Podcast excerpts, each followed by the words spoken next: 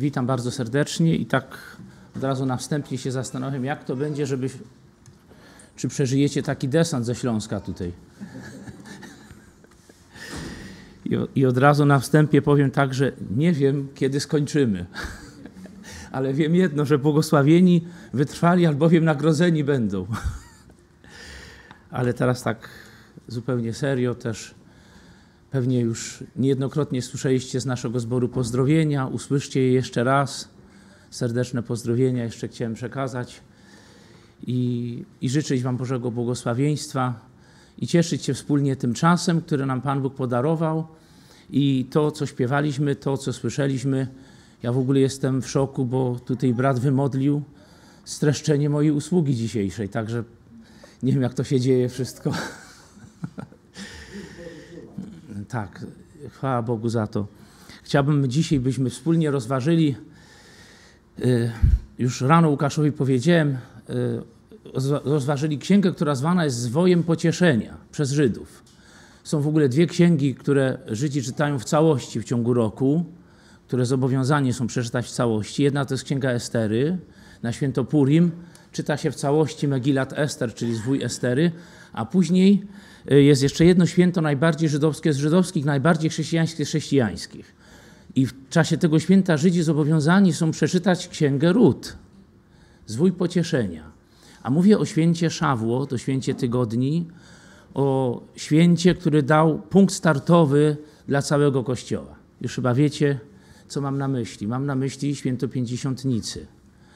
Y, bo to jest właśnie święto Szawłot. Dziesięć dni po święcie Paschy przyszedł y, Duch Boży i stąpił na Kościół.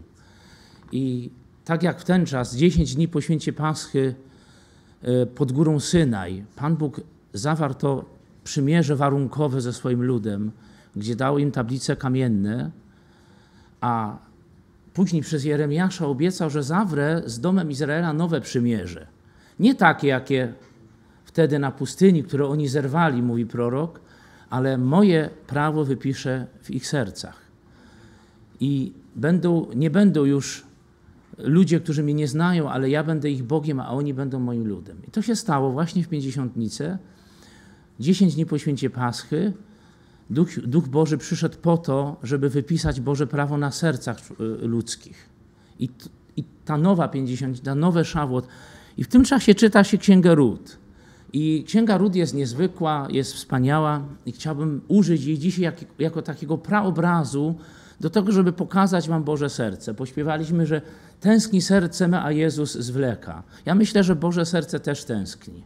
Że to nie jest tak, że ta tęsknota tylko jest po naszej stronie, ale ta tęsknota też jest po Jego stronie, żeby zrobić to, o czym powiedział arcykapłan Kajfasz.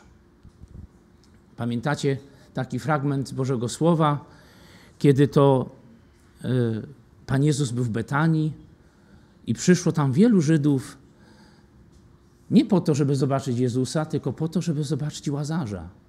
Bo oni słyszeli, że on został zmartwychwskrzeszony. To, to, to była sensacja na, na całą Jerozolimę. Przyszli tam zobaczyć Łazarza i powiedziane z wielu w niego uwierzyło. A dalej Słowo Boże mówi, ale niektórzy odeszli do faryzeuszów, do arcykapłanów i oni zwołali Radę Najwyższą. I zaczęli dywagować, dyskutować, że pojawił się problem. Pojawił się ktoś, za kim lud idzie. Co to będzie? I wtedy wstał arcykapłan Kajfasz, ten sam w domu, którego później był Pan Jezus przyprowadzony. I on powiedział niesamowite słowa. I to jest ciekawi, ciekawe, moi drodzy, że, że on mówił z Bożego serca. Tam jest powiedziane, on to nie mówił od siebie, tylko prorokował, bo był arcykapłanem. I on powiedział tak do tej Rady Najwyższej, do tych wszystkich uczonych tęgich głów, powiedział tak, co on powiedział? Parę słów tylko, wy nic nie wiecie. Wy nic nie wiecie. Przecież lepiej jest, żeby jeden człowiek umarł za lud, niż cały lud poniósł konsekwencje. I później Słowo Boże tam komentuje, a to nie mówił sam z siebie, tylko on prorokował. I mówi tak, że on nie tylko umarł, ma umrzeć za ten lud, ale dalej, aby zebrać w jedno rozproszone dzieci Boże. I moi drodzy, takie jest Boże serce. On ukochał swój lud Izrael, on go dalej kocha i nie przestał go kochać, ale on, używając Izraela, skłonił się do każdego z nas, do tych rozproszonych dzieci Bożych, o których tam jest powiedziane w Ewangelii, żeby je zebrać w jedno. I o tym chciałbym, żebyśmy dzisiaj porozmawiali, używając do tego księgi Ród. I w księdze Ród jest niezwykle wiele obrazów. I każdy z Was na pewno słyszał tę historię, czytaliście, słuchaliście. Przede wszystkim możemy zobaczyć tam praobraz Mesjasza w osobie Boaza. I, I to jest bardzo ciekawe. Chciałbym na wstępie to powiedzieć, że cała ta historia Ród, Noemi, Elimelecha, Machlona, Kiliona jest osadzona w czasie sędziów, czy, czy w, tym, w tym, tym takim trudnym okresie dla Izraela. Ale z drugiej strony ten Boaz, ten odkupiciel ciągle tam był. I on potem przy końcu księgi się ujawnia. Ale to nie znaczy, że go nie było wcześniej. On cały czas był. I tak jest, że on cały czas był. On był tam na pustyni, kiedy woda wytrysła ze skały, on był ze swoim ludem, kiedy szli przez pustynię, on był ze swoim ludem, kiedy y, odnosili zwycięstwa, kiedy walczyli, kiedy odnosili porażki. Cały czas był. A Pan Jezus powiedział, pierwej niż Abraham był, jam jest. Prawda? On cieszył się na mój widok. Wtedy ze zdziwieniem powiedzieli, ty 40 lat jeszcze nie, nie masz, Abrahama widziałeś, prawda? Ale on tam był. Jego nie było widać, ale on tam był, tak jak ten Boaz w księdze Ród. I kiedy patrzymy tak w ogóle na naród izraelski, to w takim roboczym dla nas sensie możemy podzielić ich historię na takie cztery etapy. Pierwsza rzecz to ta wczesna państwowość Izraela, prawda? Nie mówiąc o powołaniu Abrahama już, prawda, po tym powrót z niewoli, oni zaczęli się tworzyć jako państwo, Później funkcjonowali jako państwo, podzielili się na dwa królestwa, Judy i Izraela. Potem było rozproszenie do niewoli e, babilońskiej, asyryjskiej. Później znowu odbudowanie państwa, znowu funkcjonowali jako, jako naród i potem aż dopiero do czasów rzymskich po Chrystusie spełniły się e, pewne słowa, które Pan Jezus powiedział schodząc do Jerozolimy z Góry Oliwnej. I Żydzi zostali rozproszeni. Rozpoczęła się ta największa w świecie dla nich diaspora, która praktycznie aż do dzisiejszego dnia trwa. Pomimo, że powstało państwo izraelskie, według najnowszych statystyk, jeszcze w 170 krajach y, około 14, y, y, około 100, 14 milionów Żydów jeszcze istnieje, mieszka.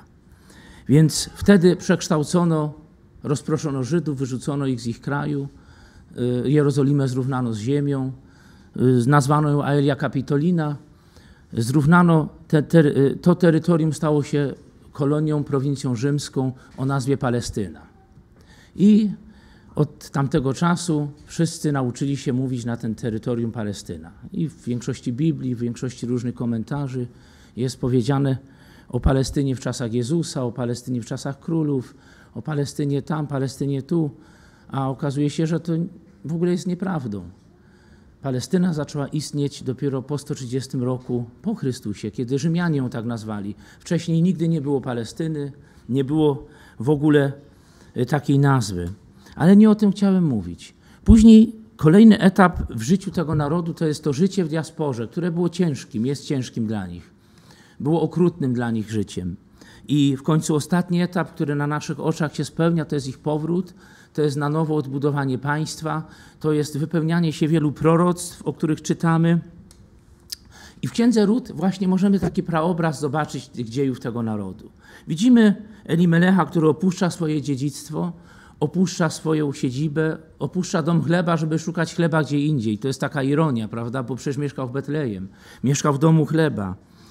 I moglibyśmy się zdziwić, dlaczego tak się stało. Wielu komentatorów mówi, no tak, tak to właśnie było. Elimelech, Noemi i ich rodzina okazali nieposłuszeństwo Bogu.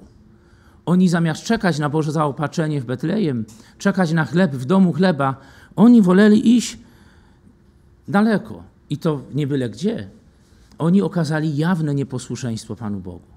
Bo nie poszli gdzieś tam, tylko poszli do Moabu poszli do Moabitów i poszli tam, gdzie nie mieli iść. I chciałbym, żebyśmy przeszli w pewnym momencie teraz do Ewangelii Łukasza, do 19 rozdziału.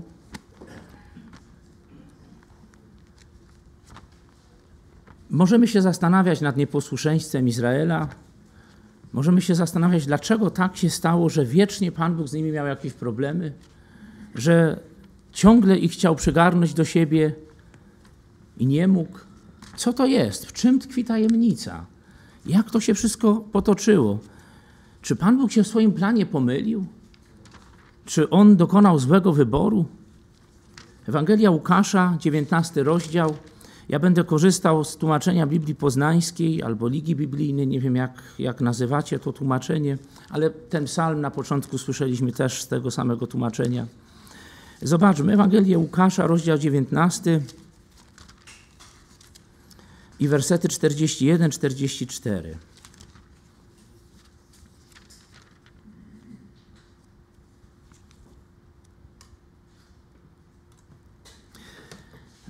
Właśnie tu jest mowa o tym, kiedy Jezus zbliżał się do Jerozolimy, zbliżył się, zobaczył miasto i zapłakał nad nim. W ogóle, moi drodzy, mało jest powiedziane w Biblii o tym, żeby Pan Jezus płakał.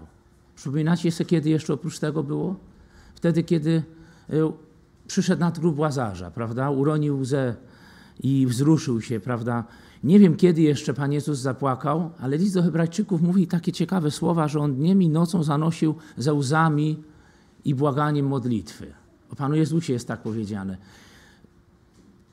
Być może trzeba zrozumieć to w ten sposób, jak apostoł Jan powiedział, że wszystko, gdyby trzeba było zapisać z życia Jezusa, to cały świat by pewnie tych ksiąg nie pomieścił.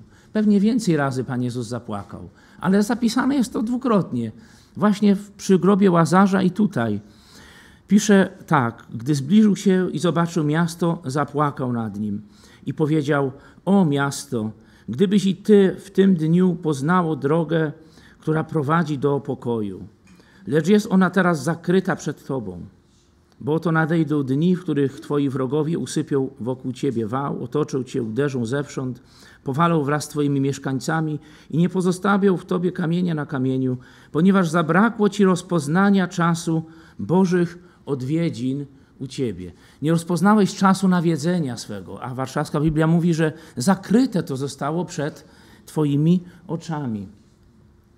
I moi drodzy, tutaj tkwi cała tajemnica Bożego planu.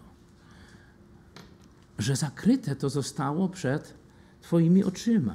Tu jest powiedziane, gdybyś poznało drogę, która prowadzi do pokoju, lecz teraz zakryłeś swoje oczy i nie możesz tego poznać. To by było dla mnie bardziej jasne. Bo wiecie, ludzie lubią takie czarno-białe historie, żeby od razu pokazać palcem winnego i powiedzieć: tak, on jest winny, on zamknął swoje oczy, on odwrócił swoją głowę, a więc dobrze mu tak. Ale tu jest tak ciekawie to powiedziane. Jest to troszkę bardziej zawiłe, niż byśmy sobie mogli pomyśleć. Ten werset wskazuje na to, że proces zakrycia odbył się troszeczkę poza ich własną wolą. Powiedziane jest to, że teraz zakryte jest to przed Twoimi oczyma. I zacząłem się zastanawiać, kiedy to się stało.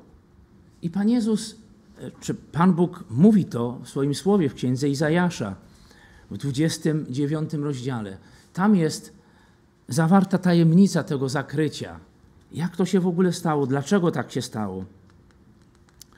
E, chciałbym, byśmy zwrócili naszą uwagę na proroctwo Izajasza, 29 rozdział, 9 werset i 10. Prorok Izajasz, rozdział 29, y, werset 9 i 10. Bardzo ciekawe słowa tutaj prorok mówi. Izajasz 29, 9, 10. Zatrzymajcie się i oniemiejcie. Oślepnijcie i bądźcie ślepi. Upiliście się, lecz nie winem. No to jest ciekawa sprawa. Zatoczyliście się, lecz nie od trunku. No to co w takim razie jest powodem tego? Dziesiąty werset. To Pan. Tu jest czynnik sprawczy. To Pan wylał na was ducha głębokiego snu. On zamknął wasze oczy, proroków, i zasłonił wasze głowy jasnowidzów. I będzie z waszym zrozumieniem biegu spraw, jak ze zrozumieniem niejasnej treści zwoju. Tu jest przyczyna tego, dlaczego Pan Jezus z płaczem powiedział, lecz teraz zakryte to jest przed Twoimi oczyma. Na innym miejscu w Ewangelii Mateusza, kiedy Pan Jezus zwracał się do ludu w przypowieściach, 20, w Mateusza w 13 rozdziale, w 14 wersecie, Pan Jezus zdawał sobie doskonale sprawę z tego, jakiemu procesowi Pan Bóg poddał swój umiłowany naród. I Mateusza 13:13 13 mówi tak: Mówią do nich w przypowieściach, bo patrzą, lecz nie widzą, słuchają, lecz nie słyszą i nie rozumieją. Spełnia się na nich proroctwo Izajasza. Zobaczcie, Pan Jezus odnosi się do tego, o czym przeczytaliśmy przed chwilą. Będziecie się wsłuchiwać, lecz nie zrozumiecie. Będziecie się wpatrywać, lecz nie zobaczycie.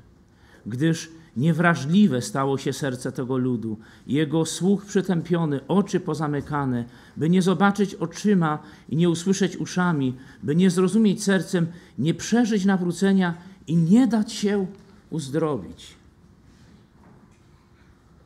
O, cóż za dziwny Boży plan. Dla mnie to jest zupełnie niezrozumiałe. Zupełnie,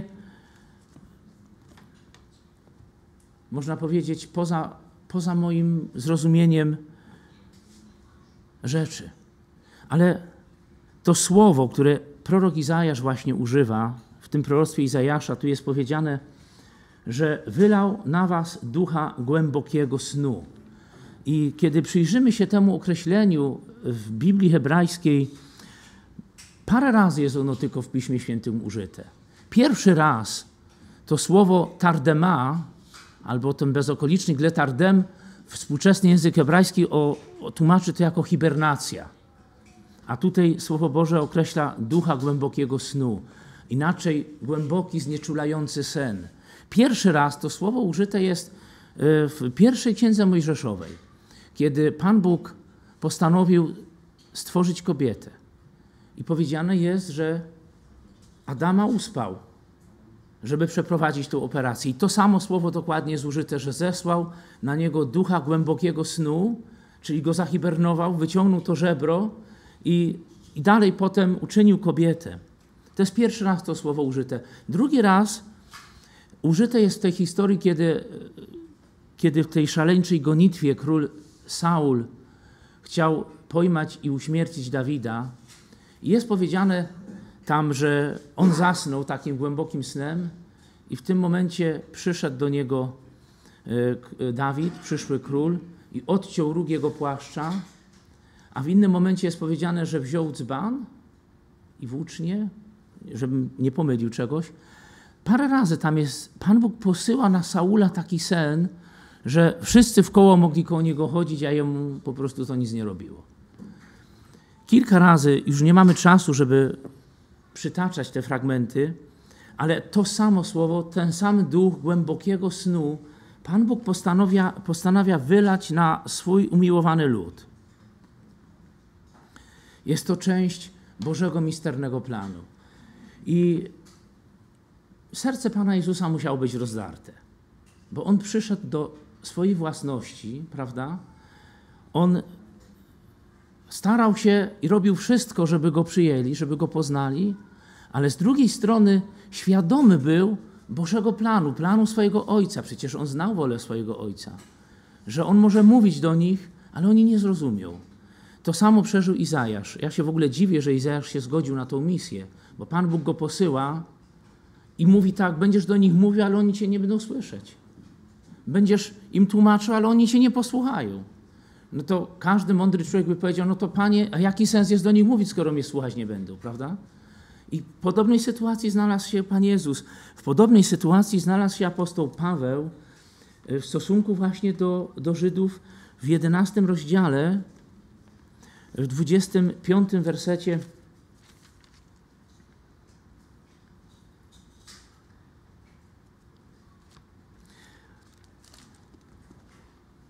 Do 28, on mówi: Chcę, bracia, abyście byli świadomi pewnej tajemnicy i dzięki temu nie mieli zbyt wysokiego mniemania o sobie. To jest pewna tajemnica. I dla mnie osobiście też do końca niezrozumiała. I wracając do Noemi, zobaczmy, po jakimś czasie widzimy, że Noemi postanawia wrócić ze swojej ziemi, ale zobaczcie po jakich perypetiach. Oni właściwie tam zostali zdziesiątkowani w tym Moabie. Umiera jej mąż, umierają jej synowie. I kiedy byśmy otworzyli Księgę Ród, jeszcze raz tam wrócili do, do tej księgi, do pierwszego rozdziału, dziewiętnastego wersetu, mamy tu powiedziane o tym momencie w ich historii, w ich życiu, kiedy ruszyły obie i dotarły do Betlejem. To jest Księga Ród, pierwszy rozdział, dziewiętnasty werset. Ruszyły obie i dotarły do Betlejem, a gdy przybyły do Betlejem, z ich powodu poruszyło się całe miasto. Kobiety śpieszyły się upewnić, czy to ty, Noemi? Oni nie mogli poznać. Nie potrafili uwierzyć w to, że to ta sama kobieta do nich wraca. Czy to ty, Noemi? A ona odpowiedziała: Nie nazywajcie mnie już Noemi.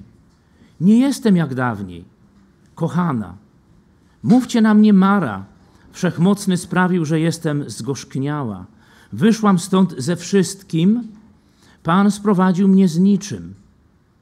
Dlaczego miałabym być dla was Noemi, skoro Pan był mi przeciwny i wszechmocny doprowadził do mojego nieszczęścia? Noemi, moja słodycz, tak to niektórzy tłumaczą. Mara to jest gorycz, zupełne przeciwieństwo. Ale moi kochani, tu jest dla mnie obraz tej Noemi, która powraca obolała, powraca sama. To jest taki obraz narodu izraelskiego, który po Holokauście wraca do swojego państwa. Oni w tym czasie stracili całe swoje rodziny. Wielu straciło braci, siostry, mężów, żony. Ledwo cudem ocaleli. I widzimy, że wracają z powrotem. Tak jak ta Noemi postanowiła wrócić do swojego dziedzictwa. Wielu z nich zostało obolałych. Tak jak ta Noemi. Nie miało być powodu nazywanych moja słodycz. Wyszli ze wszystkim, wrócili z niczym. Można powiedzieć, jedyne co ocaleli to swoje życie. Poza tym nic. I tak powrócili do ziemi Izraela. Utworzyć własne państwo. I moi drodzy, w niesamowitych słowach mówi o tym prorok Jeremiasz w 30 rozdziale. Kiedybyśmy zobaczyli do proroka Jeremiasza, rozdział 30.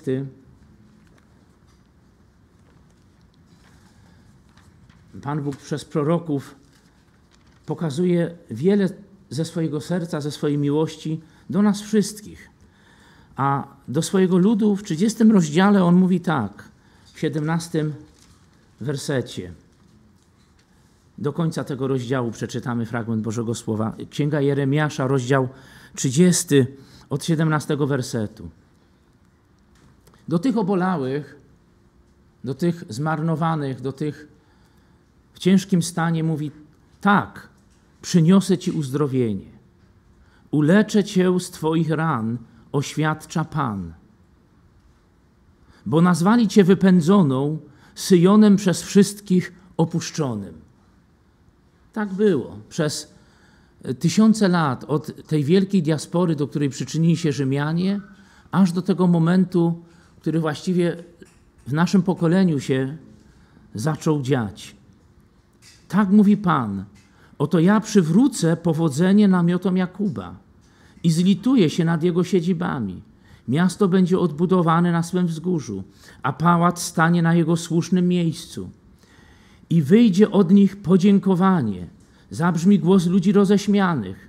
Rozmnożę ich zamiast ich umniejszać. Przydam im chwały. Nie odbiorę znaczenia. Z jego synami będzie jak dawniej. Jego zgromadzenie znajdzie przy mnie stałe miejsce. Nawiedzę natomiast jego ciemiężców. Wyjdzie z niego jego książę, jego władca będzie się z niego wywodził. Przybliżę go i pociągnę ku sobie, bo kto inny ośmieliłby się to uczynić, oświadcza Pan. Będziecie moim ludem, a ja będę waszym Bogiem. Oto burza od Pana nadciąga, nad głowami bezbożnych szaleje sztorm. Nie zawróci żar gniewu Pana, aż wykona, aż wypełni jego zamysł. Zrozumiecie to w dniach ostatecznych. Moi drodzy, ja myślę, że żyjemy w czasach ostatecznych i Duch Święty otwiera przed nami pewne pokłady rzeczy, których kiedyś może nie rozumieliśmy, y, które może nie były do końca jasne dla nas. Ale to, co Pan robi ze swoim narodem, jest powiedziane: zrozumiecie to w dniach ostatecznych. On rozpoczął ten proces odbudowy, on rozpoczął ten proces uleczenia ich. Na innym miejscu prorok Ezechiel mówi, że w tej dolinie suchych kości pojawią się żywe ciała. te kości obrosną w mięso, te kości staną się ludźmi. I powiedziane jest dalej, że jeszcze brakowało tam tchnienia Bożego Ducha. Ale to jest cały proces uzdrowienia Bożego narodu. I my jesteśmy w tym procesie, obserwujemy ten proces i Pan Bóg angażuje nas, narody, Kościół wierzących, byśmy współuczestniczyli w tym, byśmy współ, mieli współudział w tym, co On czyni.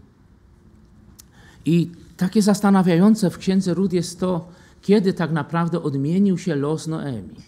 Ona była biedną, obolałą wdową, która straciła męża i synów, ale tak naprawdę jej los odmienił się wtedy, kiedy poganka związała się z Boazem. Kiedy poganka Ród związała się z odkupicielem. Wtedy odmienia się los Noemi, który dla mnie jest obrazem narodu izraelskiego. Zobaczcie, w Bożym planie jest nie tak prosto. On chce odmienić los swojego ludu poprzez ścisłą społeczność Kościoła z narodów z Jezusem. On chce nas użyć do tego, żeby odmienić los swojego umiłowanego ludu. I zobaczcie na z innej perspektywy troszkę na Księgę Ród. Odpowiedzmy sobie na takie pytanie. Kiedy Ród poznała prawdę o Bogu Abrahama, Izaaka i Jakuba, o żywym, jedynym, prawdziwym Bogu Izraela? Czy tą prawdę poznała wtedy, kiedy Elimelech mieszkał w Betlejem, siedział w przysłowiowym miękkim fotelu i troszczył się o swoją rodzinę, i troszczył się o to, żeby być Bogu posłusznym, i mogliby sobie tak siedzieć. Rzeczywiście, ja wierzę, że Pan Bóg by ich nie zostawił. Ale czy ta poganka poznałaby wtedy wieść o Bogu Abrahama, Izaaka i Jakuba? Byłaby jakaś inna droga? Nie wiem. Ale zobaczcie, dopiero wtedy, kiedy Elimelech odszedł ze swojego dziedzictwa, z jednej strony okazał nieposłuszeństwo, byśmy powiedzieli. Dlaczego? Dlatego, że kiedy byśmy otwarli piątą księgę Mojżeszową, piątą księgę Mojżeszową, rozdział 23,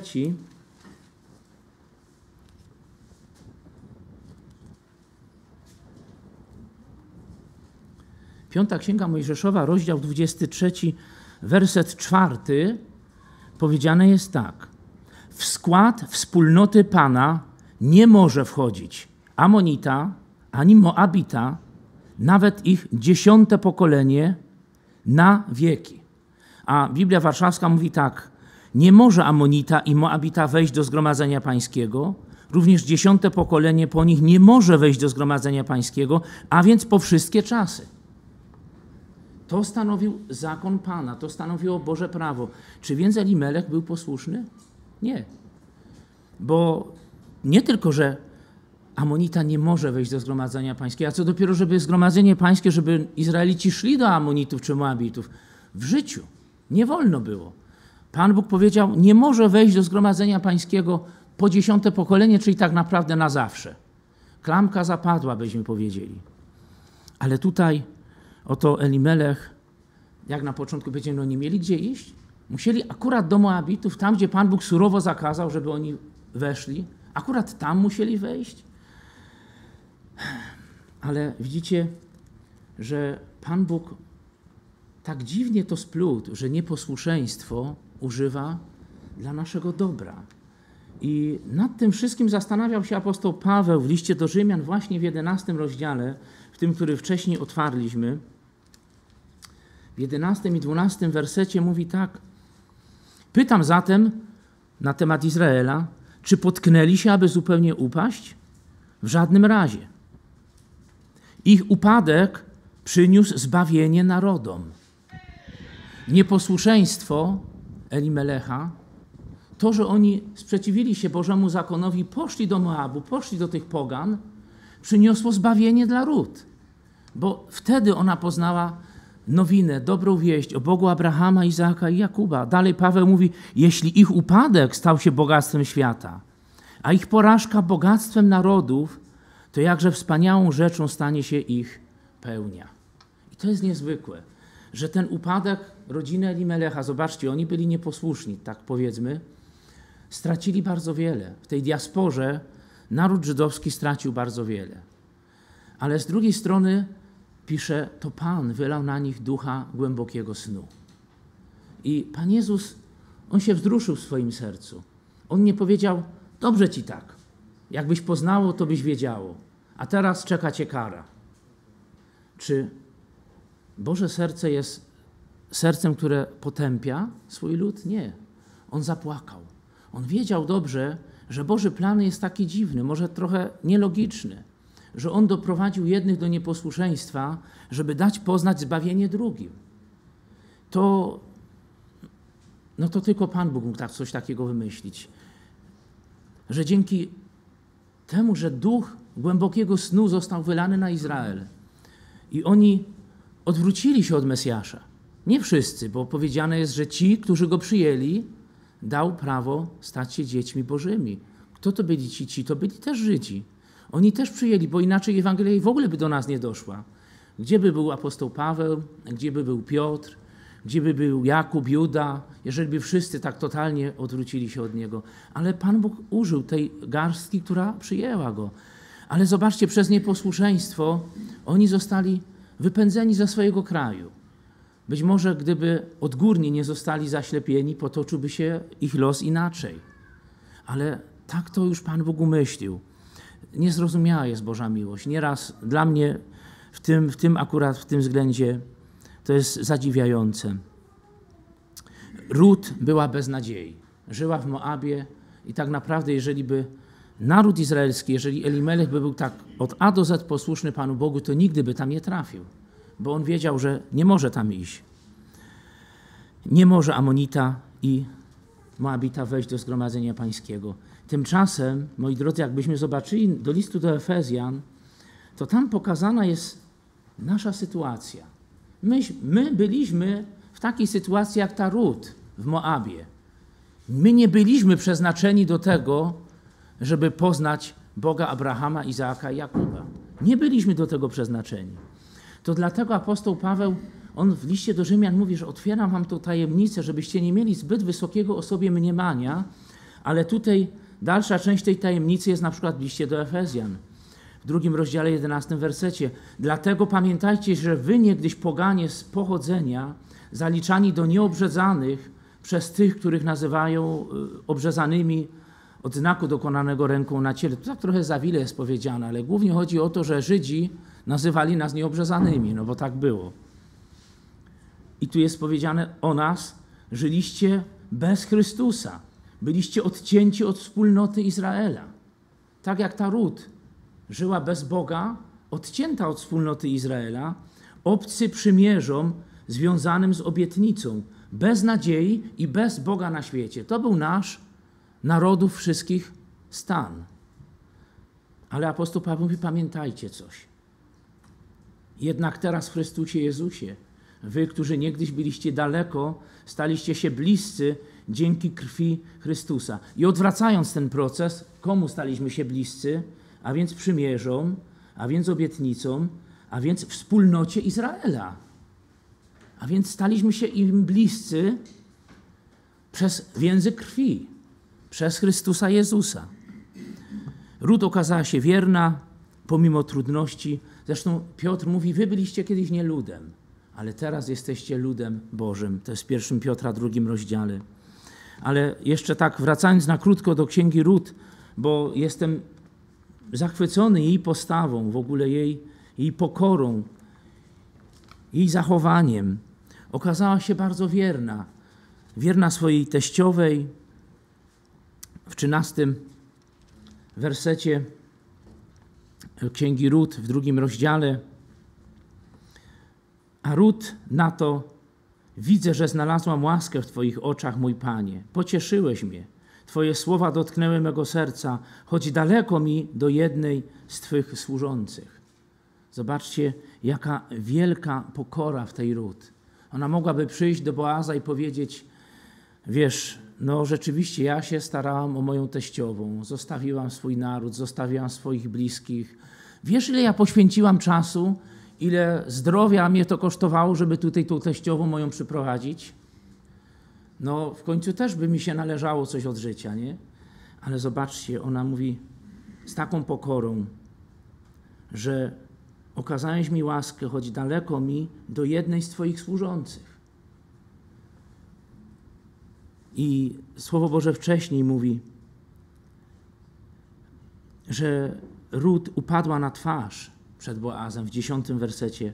Ród upadła na twarz i pokłoniła się Boazowi aż do ziemi. Ja sobie tak mówię, już niżej nie można było. Aż do ziemi mu się pokłoniła. I zobaczcie, to jest obraz Kościoła pokornego. To nie jest obraz doktorów i ojców Kościoła, którzy przez całe wieki przeklinali Żydów, mówili tak, wy odrzuciliście Mesjasza, wyście go ukrzyżowali, wam Bóg już łaski nie okaże, to nam okazał, myśmy zastąpili naród izraelski, teraz my jesteśmy na waszym miejscu, a wam nic do tego. Wy jesteście odrzuceni na wieki. Ja parafrazuję, możecie prześledzić historię Kościoła, jakie były wypowiedzi Justyniana czy y, innych po prostu y, doktorów Kościoła, którzy są wyniesieni na piedestały dzisiaj. Ale ich stosunek do Żydów był tragiczny. Zresztą, gdybyśmy popatrzyli na Lutra, też wcale się nie różnił od nich. Ale Pan Bóg to inaczej widzi. Myślę, że tak jak Jeremiasz mówi, zrozumiecie to w czasach ostatecznych, że teraz to jest taki czas łaski dla Izraela, ale też czas łaski dla nas, że my poznajemy to, w jaki sposób, jaki Pan Bóg ma stosunek do swojego ludu, do nich, do nas, jakie jest Jego serce. I to jest taki obraz wszczepienia do drzewa oliwnego, dlatego tak lubię to tłumaczenie też Biblii Poznańskiej, bo w 17 y, wersecie tego 11 rozdziału jest powiedziane w liście do Rzymian, list do Rzymian, rozdział 11, werset 17. Jeżeli natomiast niektóre z tych gałęzi zostały odłamane, a ty niczym dzika gałązka wszczepiony między pozostałe, zyskałeś udział w korzeniu i w sokach drzewa oliwnego. I właśnie Biblia Warszawska tutaj mówi tak, że zostałeś wszczepiony na ich miejsce. Dlatego to jest nielogiczne, moi drodzy, bo skoro na ich miejsce jestem wszczepiony, to dla nich już nie ma miejsca, bo ja je zająłem. Nie? I na tym się buduje całą teorię później. Tą teorię zastąpienia, że myśmy zastąpili naród żydowski. Pan Bóg ich odciął, a myśmy na ich miejsce zostali wszczepieni. Ale to właściwe tłumaczenie jest powiedziane, że zostałeś wszczepiony pomiędzy pozostałe.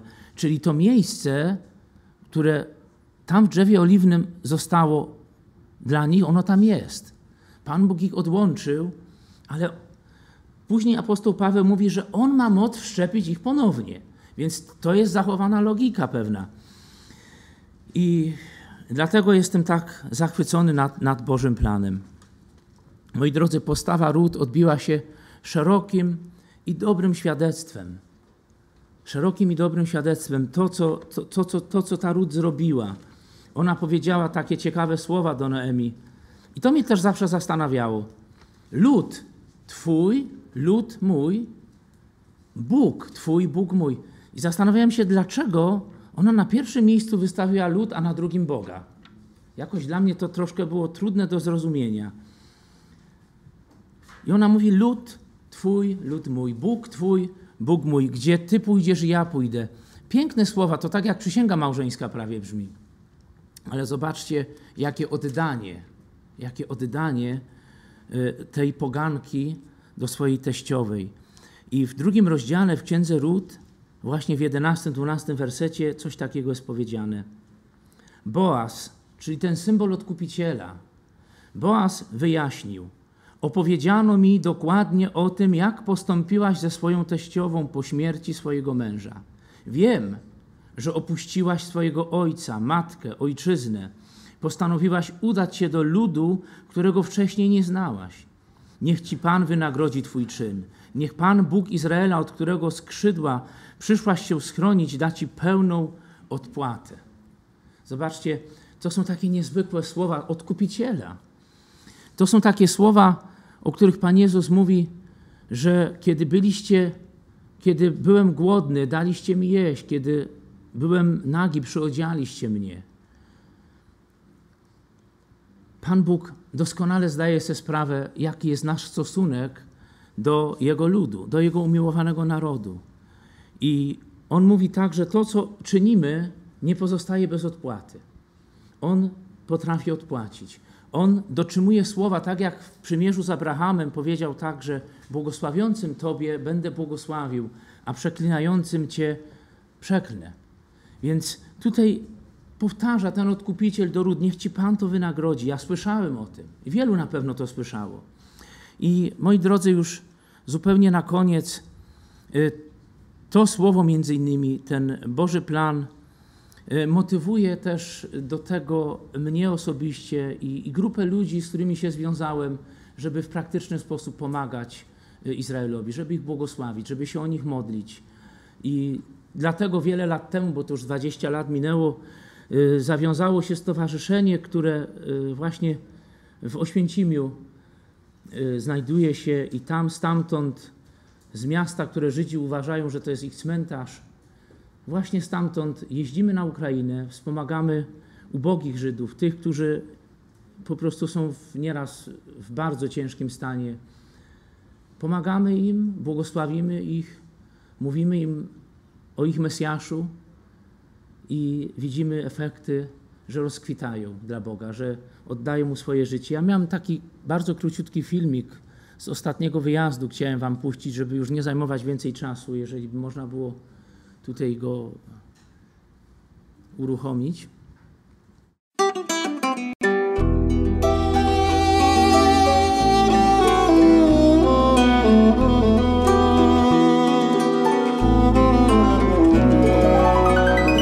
Tak nie бывает что все было хорошо. Мир состоит из света и из тени. Спасти людей на землю сам Господь сошел. А человечество в грехах по сей день Замаливает мир грехи. Простит ли их Отец, не знает, они несказанно велики, Они так несказанно велики, Они так несказанно велики, Что о спасении мало кто уж помышляет. Так не бывает, что все было хорошо. Так не бывает, чтоб всем было хорошо. И нищете не суждено ходить во фраке. Кто в этой жизни света не нашел, Тот прожил век в глубоком мраке, Замаливает мир грехи. Простит ли их отец, не знает, они так несказанно велики Они так несказанно велики Они так несказанно велики Что о спасении мало кто уж помышляет. Так не бывает, чтоб всем было хорошо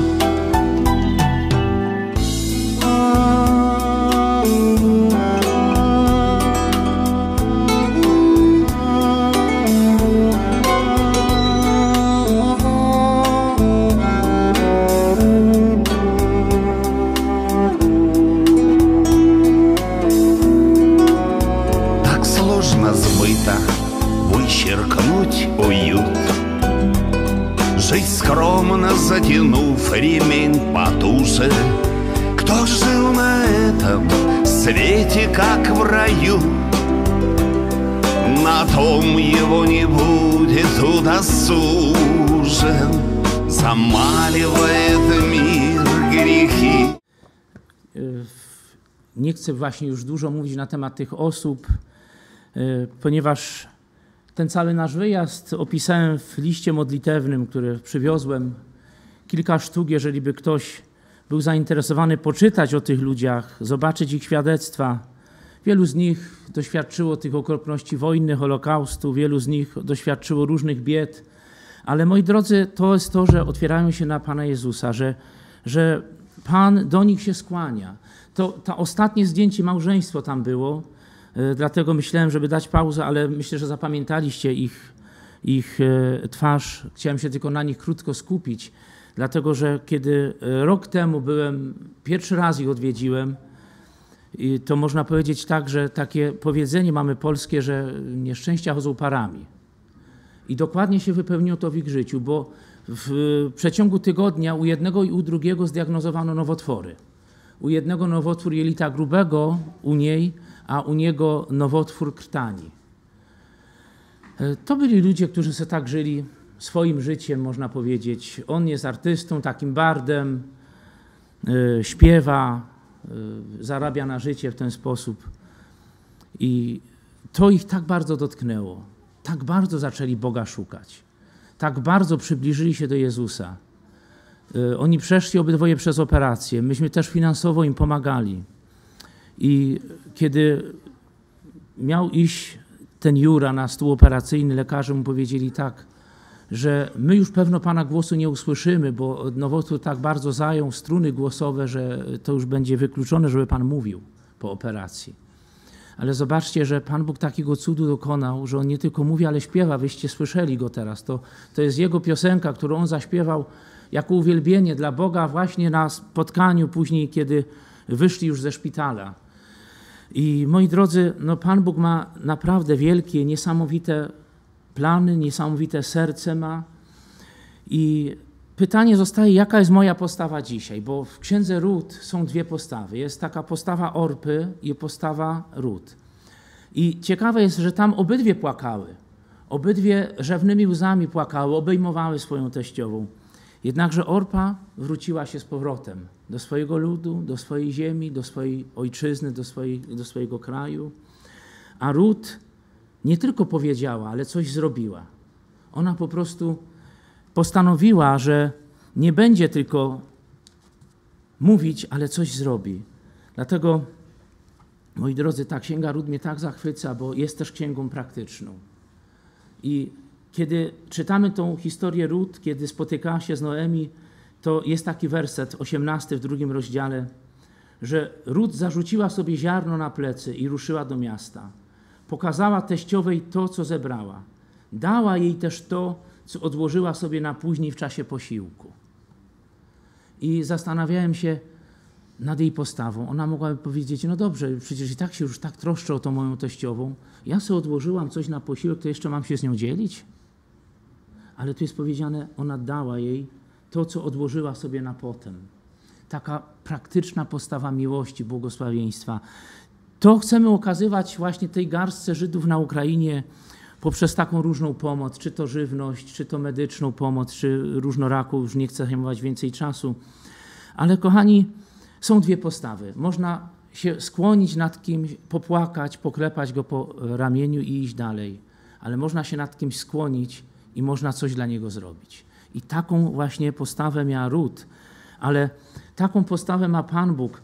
On ma tak niesamowite serce, tak niezwykłe po prostu w swojej miłości, że on potrafił zatwardzić jednych, uśpić jednych, zahibernować, bym powiedział, żeby do nas doszła Ewangelia, żeby do nas Boże Słowo doszło. Ale najwspanialsze jest to, że on na wieki ich nie uśpi. Apostoł Paweł mówi, że oni się potknęli, aby upaść? Nie. Skoro ich upadek był bogactwem dla świata, to co dopiero będzie ich pełnia? Jak wspaniałą rzeczą stanie się ich pełnia, apostoł Paweł mówi. I możemy się tak zachwycać nad Bożym planem, bo, bo jest on rzeczywiście niezwykły. Ja już chcę zejść z tego miejsca, chcę Wam podziękować bardzo za cierpliwość. Ja powiedziałem, że wytrwali są błogosławieni, bo nagrodzeni zostaną. Ja przywiozłem dla Was prezent. Ja nie chcę go sprzedawać, ale chcę zostawić Wam w prezencie dla wszystkich wytrwałych. Piękna opowieść, radość za popiół. Michaela Jarona, z którym współpracujemy, bo też błogosławimy tą e, część Izraela w ziemi Izraela poprzez mesjańskie wspólnoty tam. Michael Jaron ma pochodzenie polskie, jego dziadek Aleksander Bronowski przeżył Holokaust i był współza współzałożycielem Instytutu Yad Vashem i tej Alei Sprawiedliwych wśród Narodów Świata. Ciekawa historia, zachęcająca, pobudzająca. Chcę po prostu Wam zostawić później. Możecie sobie wziąć, będzie to na Was czekało. I też ten list modlitewny, jeżeli ktoś ma na sercu, żeby się modlić, to może się zaopatrzyć ten list. I w ogóle, jeżeli byście chcieli mieć jakiekolwiek informacje, to możecie pisać na adres mailowy tam zawarty, czy, czy w jakiś sposób po prostu błogosławić naród izraelski. Na koniec już parę wersetów z listu do Rzymian. 11 rozdział 33 i 30, do 36 wersetu, tylko trzy wersety. Tak bym chciał podsumować to nasze dzisiejsze rozważanie. Nad tym Bożym planem, nad tym niezrozumiałym nieraz, zawiłym, apostoł Paweł mówi takie słowa. O głębio bogactwa, mądrości i myśli Boga, jakże niepojęte są Jego wyroki, Jego drogi, jakże niezbadane. Bo któż poznał plan Pana? Albo kto był Jego doradcą? Kto zdołał Mu coś podarować, aby liczyć na Jego odpłatę? Wszystko jest z Niego, przez Niego i dla Niego. Jemu niech będzie chwała na wieki. Amen. Amen. Niech Pan Was błogosławi.